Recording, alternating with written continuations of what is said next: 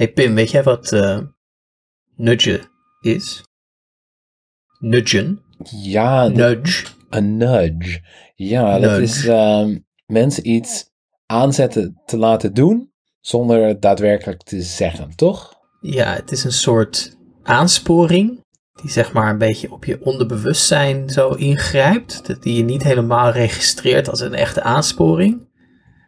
Maar waardoor je je wel op een bepaalde manier gaat gedragen. Dus manipulatie eigenlijk. Het is manipulatie, ja. Maar dan zeg maar duim omhoog manipulatie en niet duim omlaag manipulatie. Het is zeg maar de manipulatie die de mensen die nudge hebben bedacht heel goed vinden. en wat, waar zien we het? Hoe worden wij genudged? Het meest klassieke voorbeeld van nudge is iedereen die wel eens bij een urinoir heeft geplast, zal dit misschien herkennen. Uh, is de vlieg in de playpot. Dat is een nepvlieg natuurlijk. In, op het porselein geschilderd of aangebracht met een sticker. Zodat je zeg maar je straal daarop gaat richten. En dan het spetteren vermindert. En dan blijft de wc schoner. Ja, ik plas op de vlieg. Ja, jij plast op de vlieg, ja. Is het, is het nu mijn burgerlijke plicht om naast de vlieg te plassen? Ja, nee, kijk, je kunt je natuurlijk verzetten tegen dit soort manipulatie. En dan moet je, uh, als je die vlieg ziet, dan moet je denken, ja, ga ik dus niet op die vlieg plassen, maar ik pis gewoon tegen de muur. Oké. Ja. Maar dat is dus nudge. En ik heb dus, um, toen ik bij het ministerie van Buitenlandse Zaken werkte, was er op een gegeven moment van, ik geloof, werd georganiseerd door het ministerie van Algemene Zaken, een soort overheidsacademie. Ja. En dat ging helemaal over nudgen, want de overheid was helemaal, helemaal enthousiast over het potentieel van nudgen. Want het was zeg maar een methode om burgers iets te laten doen, hoe ze zich anders niet zouden gedragen. Ja. Maar dan zonder dat je ze zo ging vertellen dat ze zich op een bepaalde manier moesten gaan gedragen. Ja, je hoeft niet te doen alsof je iets, uh, je hoeft niet te laten merken dat je iets van mensen wilt. Je stuurt er gewoon op aan. Maar ja, bijvoorbeeld van als je de bushokjes uh, hemelsblauw, babyblauw uh, schildert, dan gaan ze minder vaak aan, aan diggelen, schijnbaar. Maar goed, ik zat dus bij een workshop over nudgen en dat ging, we gingen dan de casus bespreken. Uh, was, een, was actueel, was steeds actueel. Mensen die te veel verdienen om in een sociale huurwoning te blijven wonen. Hè, mensen met een goede baan. Bijvoorbeeld die bij het ministerie werken of zo. Um, hoe je dan die uit die sociale huurwoning kon nutchen, de vrije markt op. Zodat dan andere mensen die wel een bescheiden beurs, uh, een laag inkomen hebben, dan in die sociale. Dus het ging om tegen gaan we scheef wonen. Daar ging het om. Ja, um, nou ja, ik gun iedereen een woning. Ik ben niet per se tegen scheef wonen, maar weet je wel, sociale huurwoningen zijn er al weinig. Ja, scheefwonen is natuurlijk een fenomeen van een markt die helemaal kapot is. Of van een wonings, sorry, van volkshuisvesting die helemaal kapot is. uh, en proberen het af te schuiven op het individu in plaats van systematisch uh, aan te pakken. Maar, goed, dan moesten dus de scheefwoners moesten dus genudged worden. En uh, die hele workshop die ging helemaal, zeg maar, iedereen het hoofd breken van hoe je dan, wat dan een effectieve nudge was. Ja. Om, om mensen uit hun woning te krijgen. En hadden ze bijvoorbeeld bedacht van dat ze dan bijvoorbeeld folders konden verspreiden. Ja. Waar dan ja, bijvoorbeeld op werd verteld hoe fijn het is om een grotere woonkamer te hebben. ja, dus alles, alles om maar niet te hoeven zeggen waar het op staat. Alles om maar niet te zeggen van, hé, hey, luister eens, je verdient te veel voor deze plek. Maak plaats. Kijk, ik zei op een gegeven moment in die workshop van, oké, maar hebben we overwogen dat je misschien mensen gewoon gaat zeggen: Hé, hey, je bent een scheefwoner. Rot gewoon op. Weet je, als je dat dan wil, zeg het dan gewoon eerlijk. Weet je, als dat je beleid is. Ja. En dan, maar toen gingen mensen helemaal, die, die, die flipten helemaal, zeg maar. Ze dwongen je op de grond. Nee, dat kan niet, want dat is moralistisch. En dan ben je met mensen het vingertje aan het wijzen. Uh, je moet nutje, je moet niet, zeg maar, moraliseren, je moet nutje. Dat was zeg maar wat, ja. ja. Ja. Je mag mensen niet zeggen wat ze moeten doen. En voor mij was het echt de pure illustratie van een overheid ja. die gewoon niet meer weet waarvoor ze uh, dient. En van al die arme ambtenaren die het gewoon verschrikkelijk zwaar hebben en benauwd kregen bij de gedachte dat ze uh, ja, werkte in, in, in, in naam van een soort publiek belang, wat ze dan zeg maar zouden moeten gaan formuleren. Pure paniek. Nutje wel, maar vertellen wat mensen moeten doen. nee, dat, dat, uh, dat, dat, gaat ver. Waar komt het vandaan, denk je? Die angst? Ja, exact, die weerzin. Nou, dat uh, lijkt me dus een interessante vraag om uh, het vandaag over te gaan hebben. Waar gaan we het over hebben? We gaan het hebben over de McKinseyficering van het openbaar bestuur. En dan hebben we het dus over dat de wereld eigenlijk wordt gerund door managers en niet door visionairs en denkers. Dat, over, ja, dat, dat zeg maar het openbaar bestuur. We hebben het heel vaak over de bestuurscultuur tegenwoordig in Nederland. Uh, maar dat een onderdeel van die niet functionerende bestuurscultuur ook te maken heeft met hoe aan de uitvoerende kant dat bestuur wordt aangepakt. Omdat mensen uh, leunen op consultants en op externe adviesbureaus. Um, en dat is slecht. Ja, dat is, dat is iets wat we niet willen. Adviesbureaus en managers die zouden niet beleidsmakers moeten zijn. Nee, inderdaad. Zal ik uh, de mensen nog even welkom heten anders? Kom maar door. Hey allemaal. Welkom bij Het Redelijke Midden. De podcast die nooit verlegen zit om metaforen en grappen, behalve vandaag. En het in dat geval gewoon oplost met een kreet. Hey! Jullie gaan het vandaag met...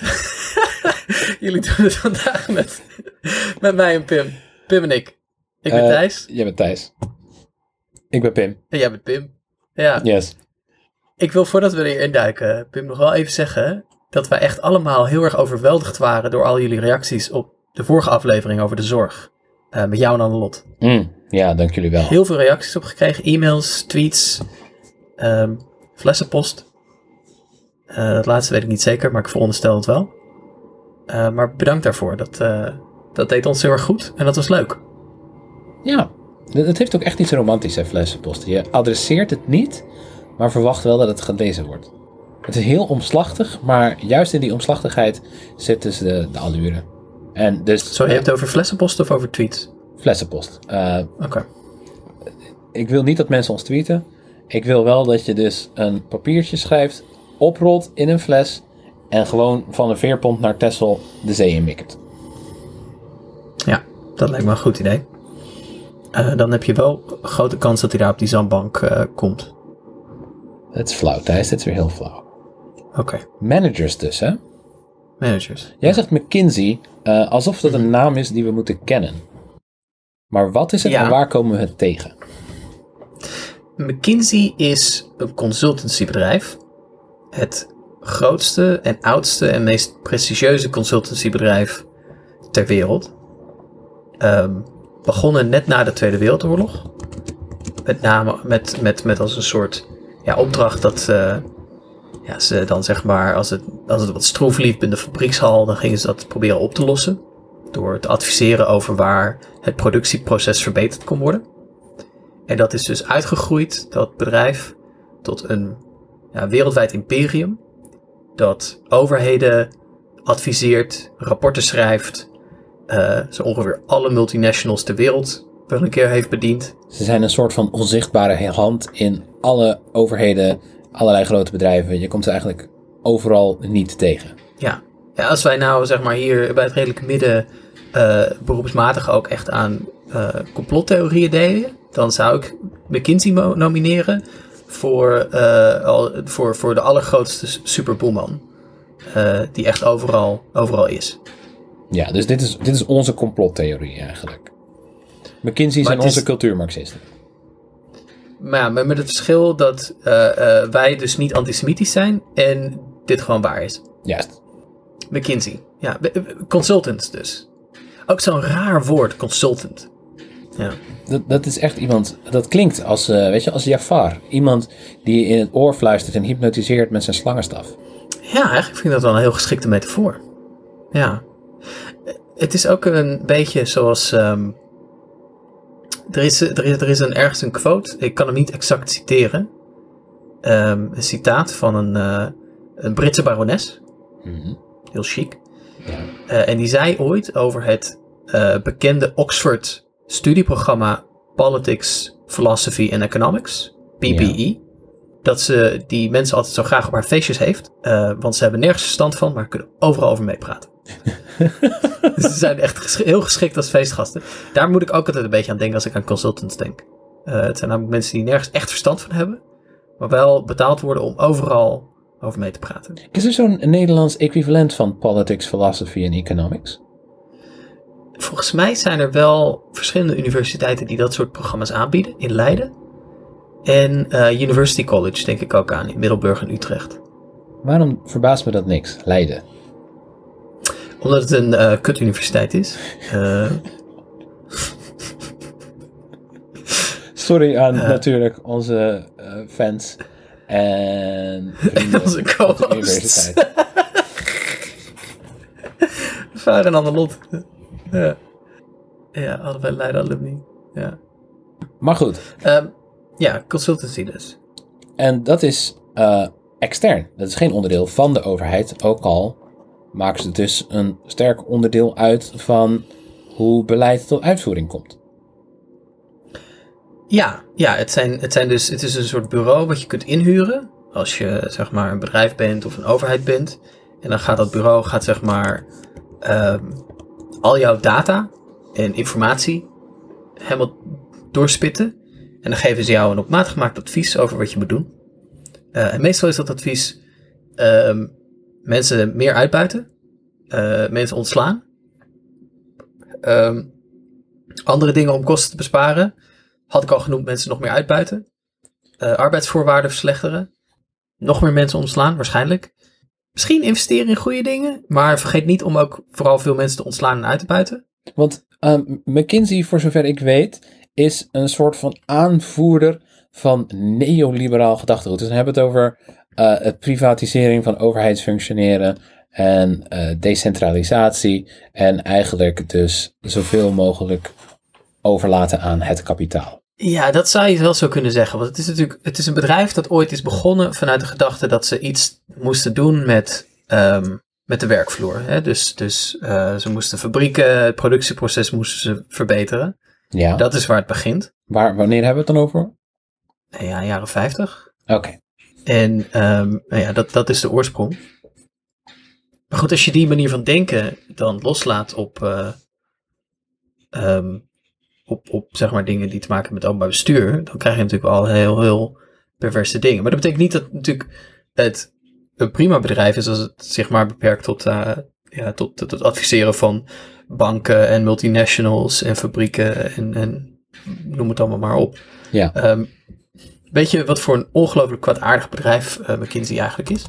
Nou, Eh, laat, ik, laat ik een paar ehm, voorbeelden noemen.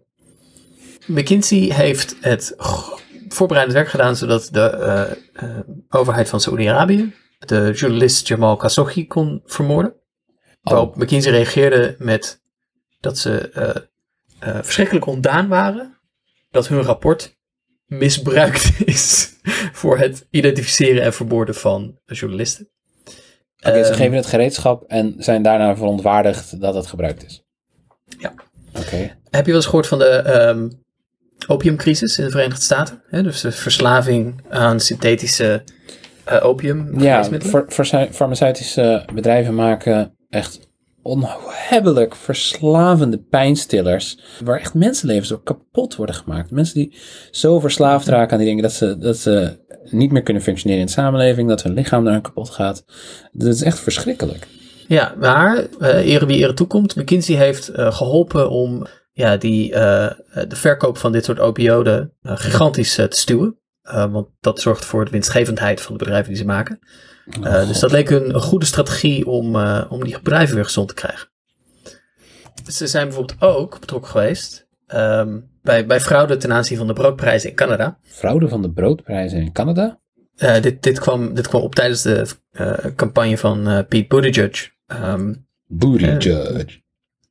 misschien kennen jullie hem nog wel als een van de tegenstrevers van, van Joe Biden.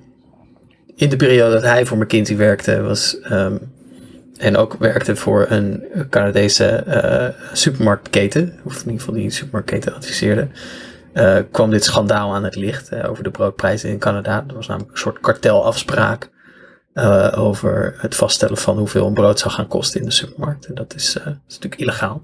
Ja. Ehm, ja, hij kreeg hier overigens ehm, heel kritische vragen over van de New York Times. De New York Times heeft toen alle, in, alle kandidaten voor de democratische nominatie geïnterviewd. En de New York Times deed uh, verrassend genoeg zijn werk, had zijn huiswerk gedaan. En grilde Buttigieg echt uh, over zijn betrokkenheid en voormalige werkgever McKinsey. Dus het werd een thema hier in de, in de campagne in de Verenigde Staten. McKinsey, zijn Buttigieg's campagne werd echt gekenmerkt door zijn McKinseyheid, als het ware. Ja, ja. McKinsey heeft ook advies geleverd aan de Amerikaanse Immigrations and Customs Enforcement, ICE. Oh ja, dat is, um, dat is de, de Amerikaanse equivalent van de Nederlandse, van de IND. De Immigratie- en Naturalisatiedienst. Ja, ook weer niet helemaal, ja, wel een beetje, ja, nou, ja, ja, ja. ja. Um, maar daar um, heeft McKinsey ook uh, uh, geadviseerd. Uh, onder andere om um, ja, toch de detentieomstandigheden, hè, dat heeft de Trump-regering ja. geadviseerd, de detentieomstandigheden van die mensen te verslechteren, zodat de kosten een beetje gedrukt kunnen worden. Oh ja, dus Want, uh, uh, dat is een verhaal van mensen die in de Verenigde Staten van de straat geplukt werden en uitgezet, uh, mensen die in kooien worden opgesloten. Echt onmenselijke ja, die... en, en beangstigende, eigenlijk dictatoriale omstandigheden. Dat heeft McKinsey ja. ook mede geadviseerd. Uh, nou, gewoon, weet je, dat, ja, dat is gewoon duur. Mensen zo oppakken en in kooien stoppen. En uh, nou, er zat gewoon een prijskaartje aan. Het prijskaartje moest omlaag. Oh, man. Um, ja, maar het advies is natuurlijk niet stop met het oppakken en uh, opsluiten van mensen. Het advies is natuurlijk, misschien kun je die mensen nog net even iets onmenselijker behandelen. Want dat, wat het menselijk behandelen van mensen, dat, ja, dat loopt flink in de papieren. Ja. Ja, is het belangrijkste motto hè, van McKinsey? Um, no policy, just execution. Ja, dus geen, geen beleid. beleid. Ze bedenken niks. Ze helpen alleen in de uitvoering van wat de klant al wil. En proberen dan de klant het beste te geven. Want ze kosten ook een hoop. Correct. Ze kosten ook een hoop, ja. Uh, McKinsey heeft ook niet per se een, uh, een beleid dat ze uh, zegt van nou, we gaan pertinent niet met bepaalde klanten in zee. Nee. Daar hebben ze geen standaard beleid voor. Het is meer dat als je als partners, je kunt bij McKinsey, het is een bedrijf dat werkt eigenlijk zoals veel grote advocaatkantoren ook werken. Als je partner kunt worden van het bedrijf, dan ben je onderdeel van de besluitvormende structuur van het bedrijf. En als je dan ja, klussen binnenhaalt, ja. Um, dan moet je daarvoor een team samenstellen van consultants, junior consultants, die dan met jou werken aan zeg maar die klus. Maar zolang jij een team kunt samenstellen, um, dan kun je die klus doen. Uh, en in feite uh, komt dat neer. Dit schreef een oud-medewerker van McKinsey op uh, voor het blad Current Affairs. Prachtig blad trouwens in de Verenigde Staten. Um, nee, dat gaan we even anders zeggen. Oh. dit schreef een oud-medewerker. een soort openbaring, een soort tell-all, anoniem. In het blad Current Affairs. Ja. Um, dat ja, ze waarschijnlijk geen werk zouden doen voor Noord-Korea, maar voor de rest eigenlijk alles wel, uh, wel te bespreken was. en uh, ja. Ik bedoel, we hebben het nu veel over mondiale invloed van McKinsey gehad en in de VS. Maar hoe zit het dan met McKinsey in de Nederlandse bodem? Ze hebben een kantoor hè, aan de Amstel in Amsterdam. Oh.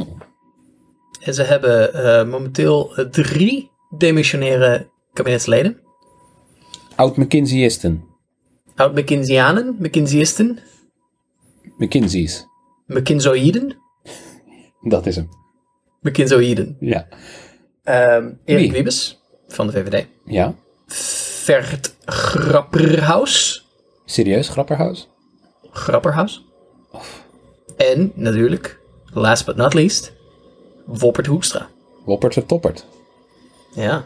Al ja, drie die namen die uh, boezen mij echt een, een, onaangenaam gevoel in. Kun je dat uh, gevoel uitleggen, Pim? Ja, als ik denk aan Wiebes en, en, en Grapperhaus en enigszins Woppert de Toppert, van die echt professionele, zakelijke, super efficiënte verwoesters van levens. Ja, ja dat, uh, dat zijn ze inderdaad wel. Gewoon mensen die oog op de bal. Woppert gewoon, Nou ja, Woppert is natuurlijk uh, misschien wel de McKinsey aan bij uitstek. Want uh, toen iemand uit zijn eigen ledenbestand met eh, een grote zak geld over tafel kwam, was hij niet te beroerd om zijn verkiezingsprogramma even aan te passen. Hè? Gewoon even, eh, ja, eh, wat was het ook weer dat hij aanpaste? Eh, over het minimumloon? Hè? Nee, dat was allemaal niet zo. Het was ineens een stuk minder belangrijk toen hij een ton kreeg van een ondernemer. Wauw. Ja, weet je, een ton, eh, bij McKinsey noemen ze dat wisselgeld. Oh man. toch. Voor, voor een ton zou ik hem mijn hele verkiezingsprogramma omschrijven. Maar ik begrijp het. Ja. En waarom het verkeerd is. Ja, het is corrupt, hè? Weet je wat een McKinsey aan eh, per uur verdient? McKinsey, McKinseyoïde. een, McKinseyоïde. Per uur. Wat verdien jij per uur, Pim? ik vraag 35. Oké. Ja, maar ik ben dan ook wel een, een nobody onderaan de ladder. Nou, Pim, ik vind jou geen nobody. Ik vind dat jij veel meer verdient. Ondanks het feit dat je het niet krijgt en niet vraagt. Ehm, maar tien jaar geleden eh, eh, publiceerde de Groene Amsterdammer dat het uurtarief voor een McKinsey consultant tussen de 300 en 400 euro per uur ligt. Dat was tien jaar geleden. Oh, even, eh, 300 à 400 per uur. En de Mhm. overheid maakt hier ook veelvoudig gebruik van. Ja, de overheid maakt hier veelvoudig gebruik van. Ik zal even het lijstje erbij pakken. Overigens, in 2000, Die bron van de groene en zo. En alles wat je aanhaalt, zetten we ook in de show notes, neem ik aan. Ja, de Groene heeft toen gewopt, een WOP-verzoek ingediend. Eh werd gepubliceerd in november 2011. Lang leeft de Groene Amsterdammer. Ehm, ministerie van Economische Zaken. Bijna 2 ton eh, voor een advies Increasing Productivity Through Innovative Entrepreneurship in Business Services. Naar een effectief en efficiënt techno-starterbeleid. Ook bijna 2 ton. Eh, precies hetzelfde bedrag. Klinkt als vlees geworden LinkedIn.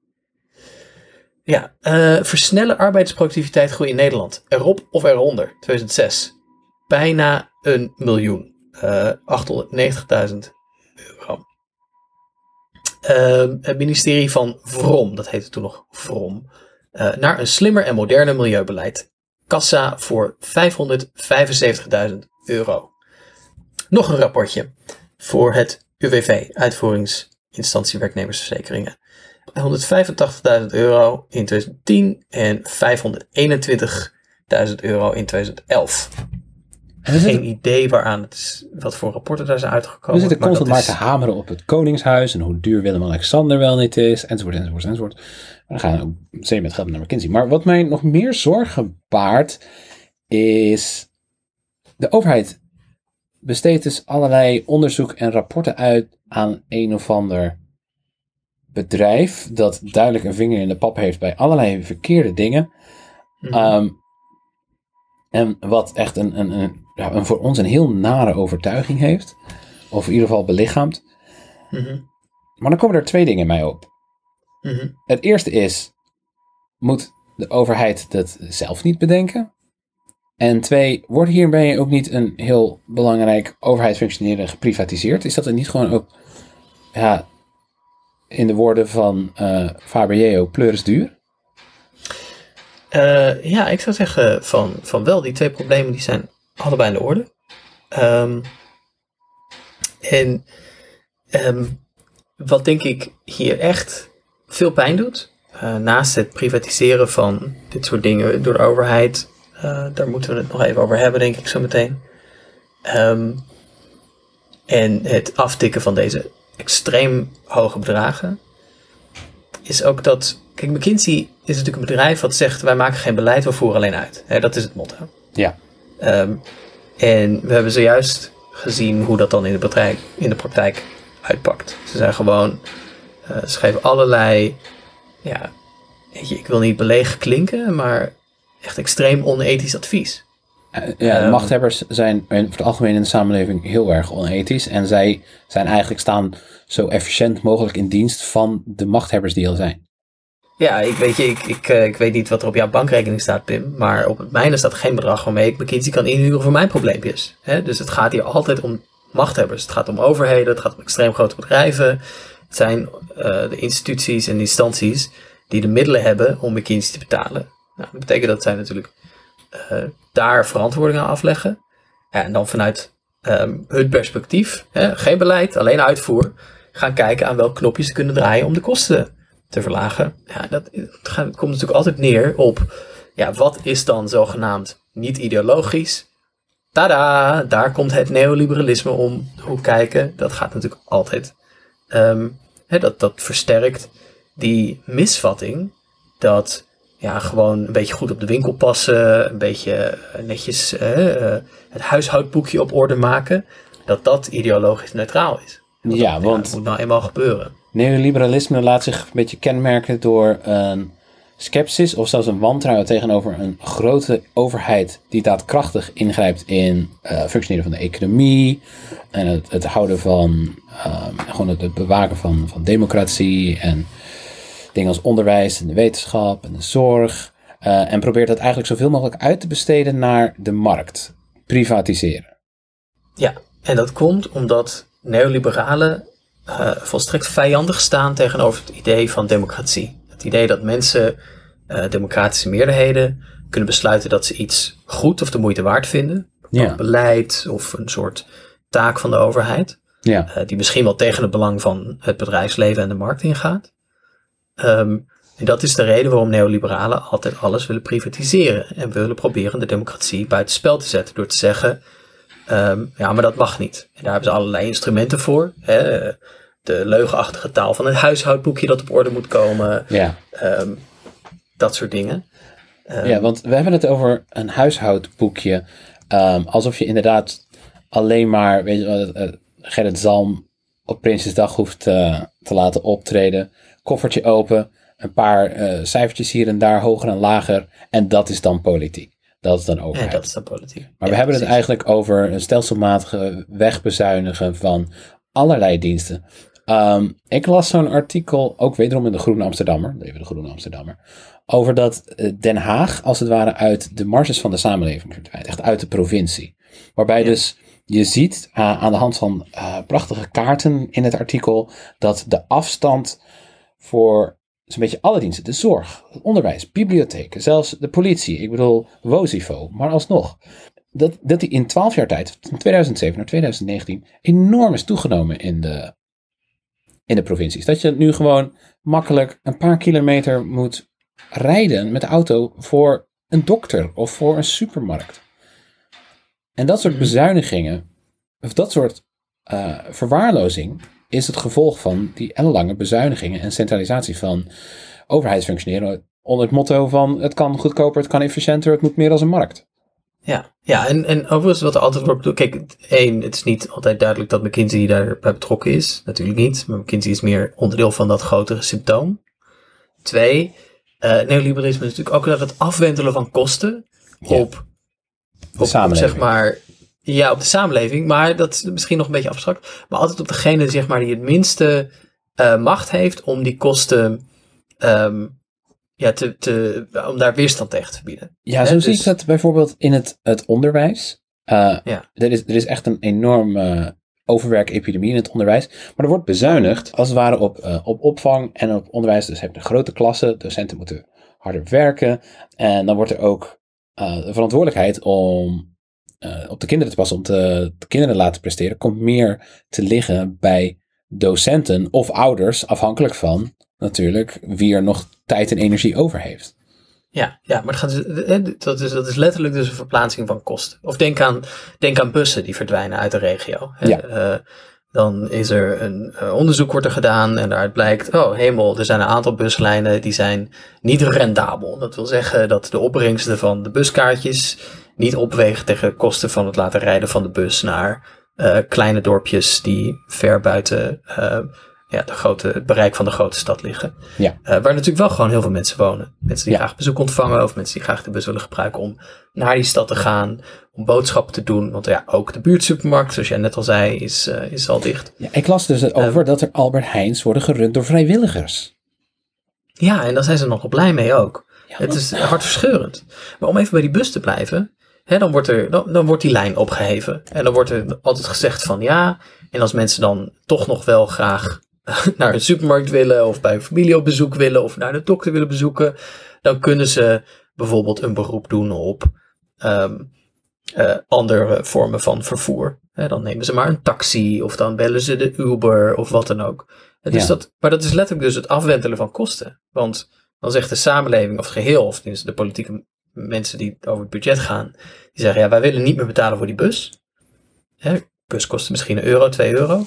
Ehm, en in plaats daarvan, want mensen willen nog steeds hun familie bezoeken, dat verandert niet. De, de, de behoefte van mensen om van A naar B te gaan, verandert niet ineens. Nee. Ehm, maar die gaan dan maar ja, zelf diep in de buidel tasten om een, eh, om een taxi te nemen. Dat is, dat is wat het neoliberalisme ook is. En- het is altijd is dus het de verplaatsen wereld- van de kosten van, de publiek, hè, van, van het publieke eh, domein naar individuen. En dat is dus de wereld die McKinsey helpt te verwezenlijken met hun onderzoeksrapporting, met hun kennisproductie. Ja, want ja, eh, als McKinsey ergens goed in is, dan is het wel aanwijzen waar de kosten kunnen worden bespaard. Is het niet? Eh, Is het niet? En die Maar- kosten die worden natuurlijk nooit bespaard door het individu, maar altijd door het bedrijf, door de overheidsinstantie. Kijk, er is een soort van idee dat, dat die bezuiniging, je noemde dat zelf ook al, een soort van politiek neutraal is.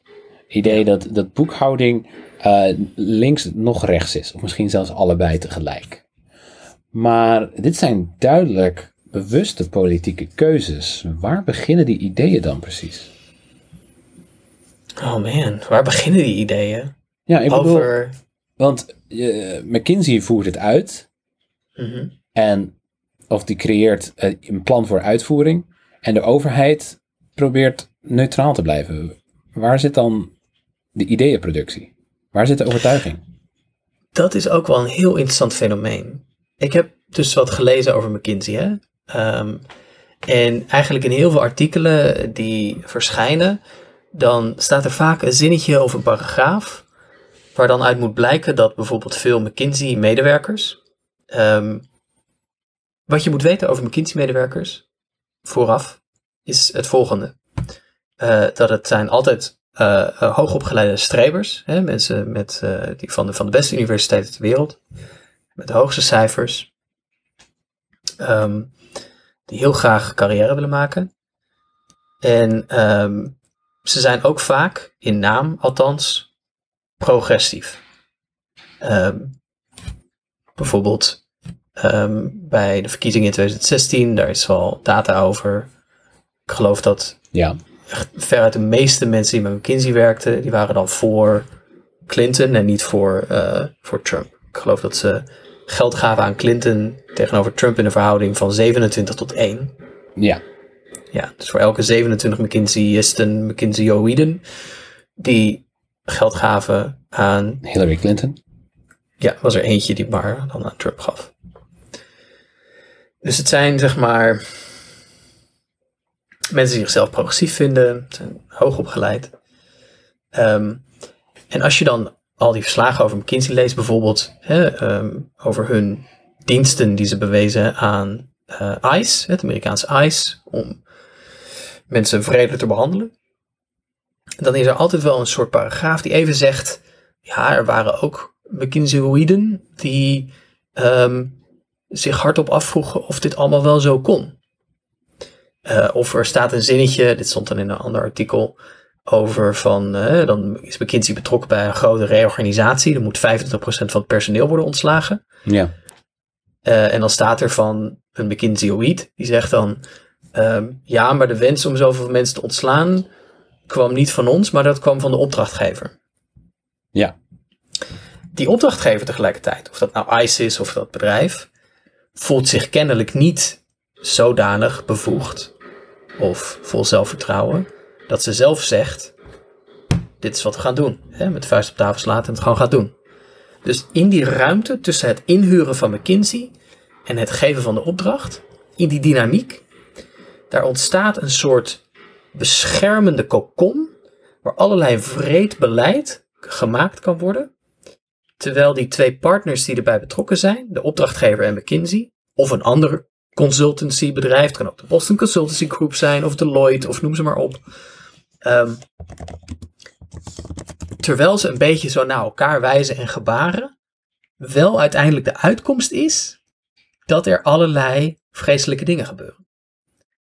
Dus dat is heel interessant. Dus eigenlijk helpen die twee insti- instituten elkaar consultancywereld en de uitvoeringswereld om een soort sfeer te creëren, een ruimte te creëren, waar ehm, beleid gemaakt kan worden, waar geen van beiden volledig verantwoordelijkheid voor wil nemen, omdat men wel aanvoelt dat het moreel verwerpelijk is. Maar waar kennelijk dus elkaar een beetje helpen om dat toch mogelijk te maken. Als een soort heel vies glijmiddel. Het klinkt een beetje als dat hele amoreel-immoreel debat, waarbij eigenlijk gezegd wordt, uh, dit soort beslissingen zijn niet per se immoreel, omdat het dan gewoon simpelweg uh, de leidraden van onze samenleving gevolgd worden. En als dus geld de belangrijkste pijler is en je creëert beleid dat het meest winstgevend of het, het goedkoopst is, dan doe je eigenlijk wat goed is. Dus het is amoreel. Het systeem is misschien immoreel, maar de mensen die erin deelnemen zijn amoreel. Ik ben het daar overigens volkomen niet mee eens. Bijvoorbeeld elke huisbaas die meer geld vraagt dan nodig is voor een onderhoud van een woning, is een dief en een parasiet en moet gewoon niet bestaan. Alle, alle huisbaas niet, maar iedereen zou kunnen, of minder geld kunnen vragen, maar ze doen het niet. Ja, de, de technische term voor wat jij noemt over amoreel en immoreel is uh, lulkoek. Um, ja. Hey, misschien is dit wel even een leuk uh, moment. Uh, Pim, zullen wij even anders een quizje doen? Oké. Ja, jij had geloof ik een quiz gevonden over de vraag of ik misschien een management consultant kan worden. Ja, we hadden het over current affairs en ik vond daar inderdaad een quiz genaamd Could you be a management consultant? En ik zal hem even in het Nederlands voorlezen, want dat maakt het iets makkelijker. Oké, dus je zou willen werken bij McKinsey Co., het meest prestigieuze adviesbureau in de wereld. Volg deze quiz en kijk of jij managementmateriaal bent. Oké, dan hebben we een vraag. Okay, ik ben er klaar voor. Werknemers van Amazon moeten dus uh, plassen in flessen die ze meenemen in het magazijn of in hun trucks, omdat de wc's te ver weg zijn en de werklast te hoog. Want je mag uh, maar zoveel pauze nemen, dus dan is er geen tijd om naar de wc te gaan buiten je pauzes om. En dat is verschrikkelijk. Maar wat vind jij de juiste oplossing? A. Mhm. Bouw wc's dichter bij de werkplek. B.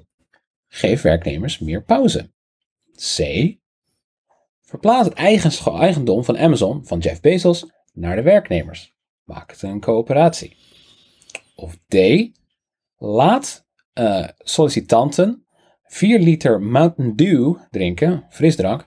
Kijk hoe lang ze het kunnen inhouden en geef vervolgens de beste de baan. Kijk, wat heel belangrijk is, is dat de opdrachtgever betaalt ons om um, het proces goedkoper en efficiënter te maken. Ja? Dat is ongelooflijk belangrijk. Het gaat hier om het besparen van geld. Om het stroomlijnen van de uitvoering. En, en wij zijn niet ideologisch, dus wij hebben hier helemaal geen opvatting over. Het gaat ons gewoon onder de streep, hoeveel blijft er over? Ja, weet je, en het kost gewoon een hoop geld om extra wc's aan te leggen. Uh, pauze is duur. En ja, uh, eigendom van Amazon naar Jeff, van, van Jeff Bezos naar de werkers uh, verplaatsen. wie gaat ons dan betalen? Ik, ik vind het... Dat, dat maar ik moet zeggen ook ja, deze quiz is duidelijk niet geschreven door management consultancy materiaal. Want ja, natuurlijk is het op zich een goed idee om mensen heel veel Mountain Dew te laten drinken, 4 liter. En dan degene te selecteren die het de langste kunnen ophouden, die mogen aan de slag. Um, maar weet je, dat is natuurlijk wel. Weet je, het is te beperkt. Uh, ik stel voor dat we dat doen, maar we geven ze ook een trechter, zodat het beter in het flash terechtkomt als ze echt moeten. Uh, dus je geeft iedereen een gepersonaliseerde trechter. Die ze dan zeg maar aan hun riem kunnen doen. En die hou je in van salaris, neem ik aan. Je gaat het anders betalen, Sinterklaas. Kom nou. Um, ja, dus dan, dan kan, kan het dus in dat, uh, in, dat, uh, in dat flesje. Maar, Kinsey is een verantwoord aidsbedrijf. De trechter wordt gemaakt van biologisch afbreekbaar plastic. Oké, okay, dat, uh, ik, ik, doe nog, ik doe nog één vraag. Maar ik, ik vind het verschrikkelijk dat er dus dit soort afwegingen serieus worden gemaakt. Wanneer we het hebben over alledaagse menselijke waardigheid. En dat, dat, dat doet me een beetje pijn. Ja. Oké, nog één. Oké. Kom, geef me die casus. Je bent dus uh, bij een teamdiner met een cliënt, namelijk Saudi prins Mohammed bin Salman, MBS. En hij zegt: McKinsey heeft me echt geholpen met het opsporen uh, van dissidenten op sociale media. Maar jongen, jongen, jongens, jullie kosten echt een rib uit mijn lijf. Wat doe je? A. Je lacht, grinnikt een beetje nerveus, maar vermijdt oogcontact. B. Je zegt, ik vond die dossiers anders echt verontrustend. Als je echt je imago op het wereldpodium wilt verbeteren, dan is misschien het gevangen zetten van Twitter-gebruikers niet de beste benadering. Of C. Zeg niks, neem in het geniep het gesprek op en spuug in Mohammed bin Salmans eten wanneer hij niet oplet. En tot slot D. Lach mee en zeg: Weet je, de verhouding van 17 huurmoordenaars tot één dissident is een beetje onder gelijksoortige dictatoriale regimes. En wij hebben wel wat voorstellen waarin je dat kunt verbeteren. Ja, je ziet het vaak bij cliënten uh, dat ze op zich uh, begrepen hebben wat er nodig is voor de uitvoer, maar hun eigen processen ook nog niet helemaal gestroomlijnd hebben. Kijk, en uh, als er nou één motto, denk ik, belangrijk is voor de management consultant, is dat wij dus niet, wij nemen ons werk heel serieus. Wij zitten daar niet om een beetje zitten te gollen, we gaan ook niet ja, opnames zitten maken. Wij zijn professionals. Ja? Wij leveren. We leveren voor betaald worden. Dus uh, als een cliënt dankbaar is voor het werk dat we hebben geleverd, dan is het denk ik de McKinsey-methode om net even dat tweede stapje extra te zetten en te zeggen: er zijn nog een paar punten waar je nog even lekker wat scherper geld kunt sparen. Dat is antwoord D natuurlijk. Maar dit, kijk, als wij dit horen, tenminste als ik dit zo ontdek dat McKinsey dus helpt dit soort beleid te vormgeven, dat ondergraaft toch ook gewoon je vertrouwen in het handelen van de overheid. Het zegt toch in feite, de overheid durft niet echt meer te, te dromen of zo. Iets te verwezenlijken, iets te doen. Het besteedt alleen maar uitvoering en de ideeën uit op basis van, nou ja, hoe kunnen we onzichtbaar dingen zo goedkoop en kut mogelijk maken wat ik bedoelde met de McKinseyficering van de samenleving, waar ik het in het begin over had, is dat, uh, en dit gaat veel verder dan McKinsey. McKinsey is een extreem voorbeeld. Um, en van de voorbeelden die we van McKinsey hebben gegeven, zijn natuurlijk ook de meest extreme voorbeelden. Ja. Um, maar is dat de overheid voor um, uh, de uitvoer van beleid heel vaak een beroep doet op ja, buitenstaanders, externe organisaties onderzoeksbureaus, consultancyfirma's. Um, soms zijn het onderzoeksbureaus zonder winstoogmerk, soms zijn het zelfs universiteiten. Maar het gaat altijd om ja, adviezen voor op grote dossiers. Dan moet er altijd een soort externe partij moet een rapport schrijven en dan gaat de overheid gaat daar iets um, mee, mee doen. Zodat, de, zodat de overheid eigenlijk nooit meer iets hoeft te durven, nooit meer iets hoeft te denken. Ja, ik zat bijvoorbeeld te kijken. Kijk, ik ben, uh, weet je, uh, je, je, je, weet net zo goed als iedereen dat ik nuance haat. Maar toch even om uh, een, een, ander beeld. Kijk, McKinsey is natuurlijk niet, het is niet dat ze elk rapport dat ze schrijven puur, puur kwaad is. Hoewel ze wel bereid zijn tot het uitvoeren van puur kwaad. op zich weet je alles van het bedrijf wat je moet weten als je dat hebt geïnternaliseerd. Um, maar McKinsey bijvoorbeeld, uh, vorig jaar, april 2020, um, ehm, heeft een rapport gepubliceerd in opdracht van het ministerie van uh, Onderwijs. Ja. Het heet Een verstevigd fundament voor iedereen. Een onderzoek naar de doelmatigheid en toereikendheid van het funderend openbaar onderwijs, primair en voortgezet. Nou, daar komt onder andere de volgende resultaten uit. Hou je vast. Oh jee. De bijdrage per leerling gemiddeld stokt. En de onderwijsresultaten zijn ook aan het stokken. Dus de, de uh, kwaliteit van het onderwijs gaat achteruit. Ja. Um, leraren zijn overwerkt. Ja. Er is onvoldoende geld om een hoge ambitie waar te maken. En schoolgebouwen, veel schoolgebouwen, uh, zijn in uh, slecht staat van onderhoud. En dat zorgt voor groeiende oh. ongelijkheid tussen scholen. Yep. Nou, dit zijn enkele van de zeer wereldschokkende resultaten die uit het onderzoek van McKinsey zijn gekomen. Ik weet niet hoeveel hiervoor is gedokt, maar het zal ongetwijfeld niet goedkoop zijn geweest. Um, en dan denk ik, zo, verrassend. Hè? Dat had je, dat was je, waarom, waarom was je dit niet gelukt door gewoon een paar ambtenaren van je eigen ministerie op deze klus te zetten? Wat, wat, hè, wat, waarom moest je hier voor deze wereldschokkende resultaten die elke docent uit het middelbaar of basisonderwijsje op een speakbriefje had kunnen aanreiken? Ehm, waarom had je hier McKinsey precies voor nodig? Met zo'n 300 dat- à 400 euro per uur. Mogelijk meer nu. Ja, ja, en dat is denk ik een van de grote ehm, tragedies ook van eh, eh, waar we het over hebben. Het, het gaat over, in Nederland veel nu, nu over de bestuurscultuur. Ehm, ministeries lijken helemaal niet meer zelf in huis zelf kennis te produceren. Zelf die onderzoeksrapporten uit te, te, te, voeren, zelf onderzoek te doen, zelf eh, te bepalen waar het beleid over moet gaan. Daar wordt heel veel eh, wordt eigenlijk buiten de deur uitbesteed. Het Ratenau Instituut bijvoorbeeld heeft hier eh, verleden jaar nog een hele blogserie over gepubliceerd.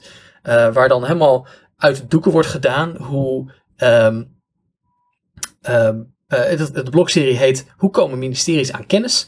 Ehm, Ja. waarin, en ik citeer, eh, hierin doen we onderzoek naar de vraag hoe ministeries organiseren dat ze tijdig over de juiste kennis beschikken voor beleid. De komende maanden zoeken we uit hoe 12 ministeries aan kennis komen om beleid te kunnen onderbouwen. Een zoektocht via interviews en dialoogsessies, dan beleidsadviseurs, commissies van wijzen en publieke kennisorganisaties. En dus er is helemaal al, het Ratenau Instituut, zelf natuurlijk zo'n kennisorganisatie, die zegt, ja, ministeries produceren zelf geen kennis, Nee. produceren zelf geen rapporten, maar dat wordt dus allemaal door externe partners gedaan. Maar daarmee worden die ministeries, die dus beleid maken, eigenlijk alleen maar een soort bemiddelaars. Ja, een doorgeefluik haast.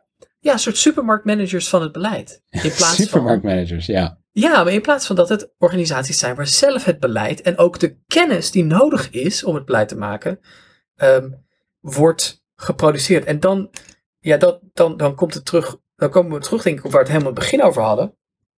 Over dat nutje. Is dat de overheid dus niet meer weet waartoe ze dient. Ze durven geen normatieve positie meer in te nemen. En dus gaat ook die kennis wordt naar buiten geduwd. eh, geduwd. Het produceren van die kennis wordt naar buiten geduwd. Ja. Ja. En dat doet me denken aan eh, wat er in D66, over D66 werd geschreven in Vrij Nederland afgelopen week.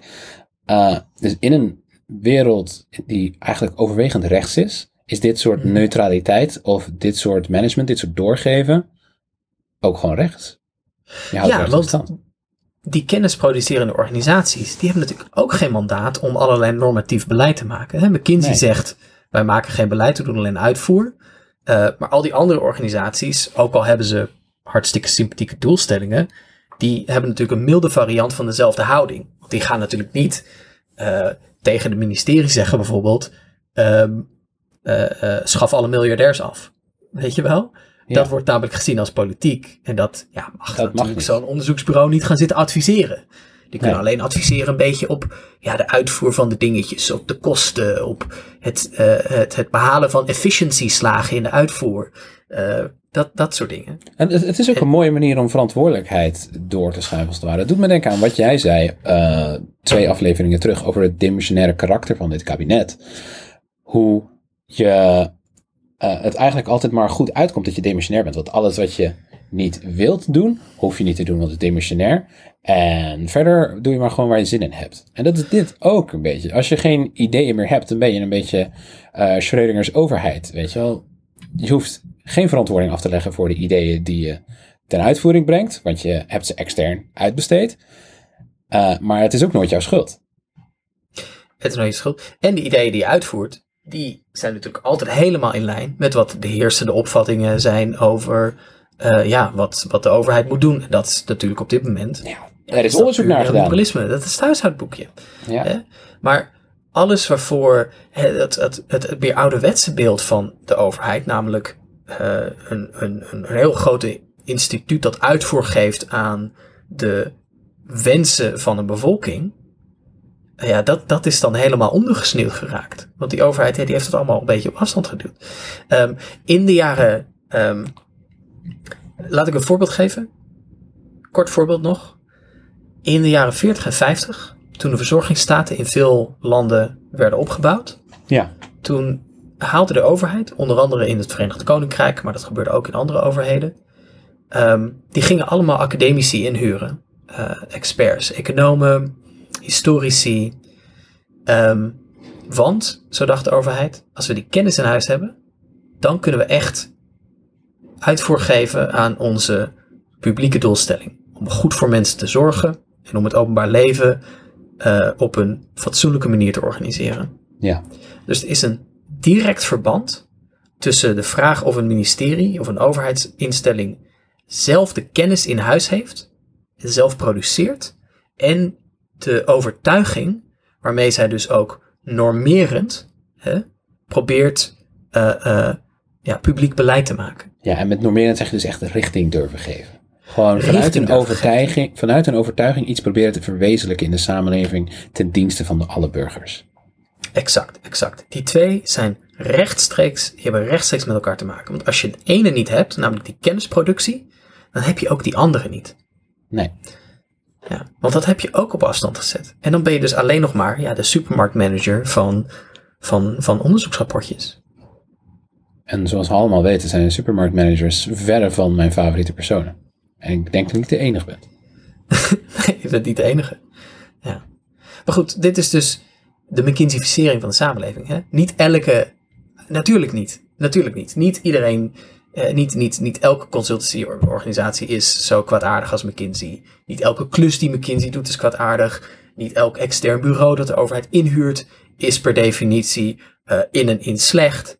Maar het is een structuur. Het is een soort manier van kijken naar het openbaar bestuur die heel slechte resultaten produceert. Het uitbesteden van de kennisproductie, eigenlijk van het hebben van ideeën en overtuigingen van de overheid naar adviesbureaus is eigenlijk dodelijk voor het grondbeginsel van de overheid om te zorgen voor de burgers.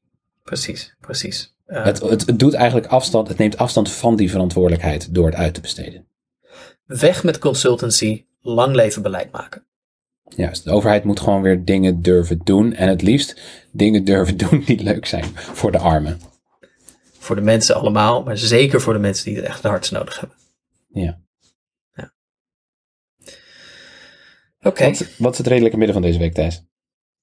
het redelijke midden van deze week is dat de overheid gasleveranciers, we weten natuurlijk allemaal van de problemen met de hoge gasprijs. Dus het redelijke midden van deze week is dat de overheid gasleveranciers net zo gaat behandelen als bijstandsmoeders. De prijs eenzijdig verlagen en ze zakken er maar in. en als iemand de gasleveranciers een boodschappentas geeft, nou dan gaat de stok erover. Oprotten. Oh, prachtig. Dit was het redelijke midden. Ehm, we vonden het fijn dat jullie luisterden.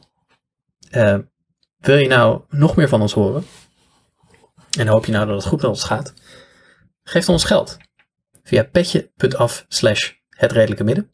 Je kunt kameraad worden voor de podcast voor 3 euro per maand. Of je kunt salonsocialist worden van de podcast voor 10 euro per maand. Je krijgt precies hetzelfde, maar je betaalt net wat meer. Omdat je het kunt betalen. Ja, je kan ook eh, voor 300 à 400 euro natuurlijk een uurtje McKinsey consultant in je oor laten fluisteren. Eh, als jij ehm, eh, ons 300 of 400 euro betaalt trouwens, dan willen wij ook wel even een uurtje eh, dingen over kostenplaatjes en puntenwolken in je oor fluisteren. Absoluut. Doen we niet te moeilijk over. Nee. Als jij daar helemaal week van in de knieën wordt, dan zijn we de broertste niet. Ja, inderdaad. Als je in Nederland woont, voor 300 euro krijg je Pim's McKinsey ASMR. Klinkt heel smerig. Maar misschien is er een freak die het erover over heeft. Oké, hey, dank jullie wel, lieve luisteraars. Eh, we hopen jullie over twee weken weer te mogen ontvangen. En tot die tijd, Aito. En voor McKinsey. Tot McKinsey. Hoi!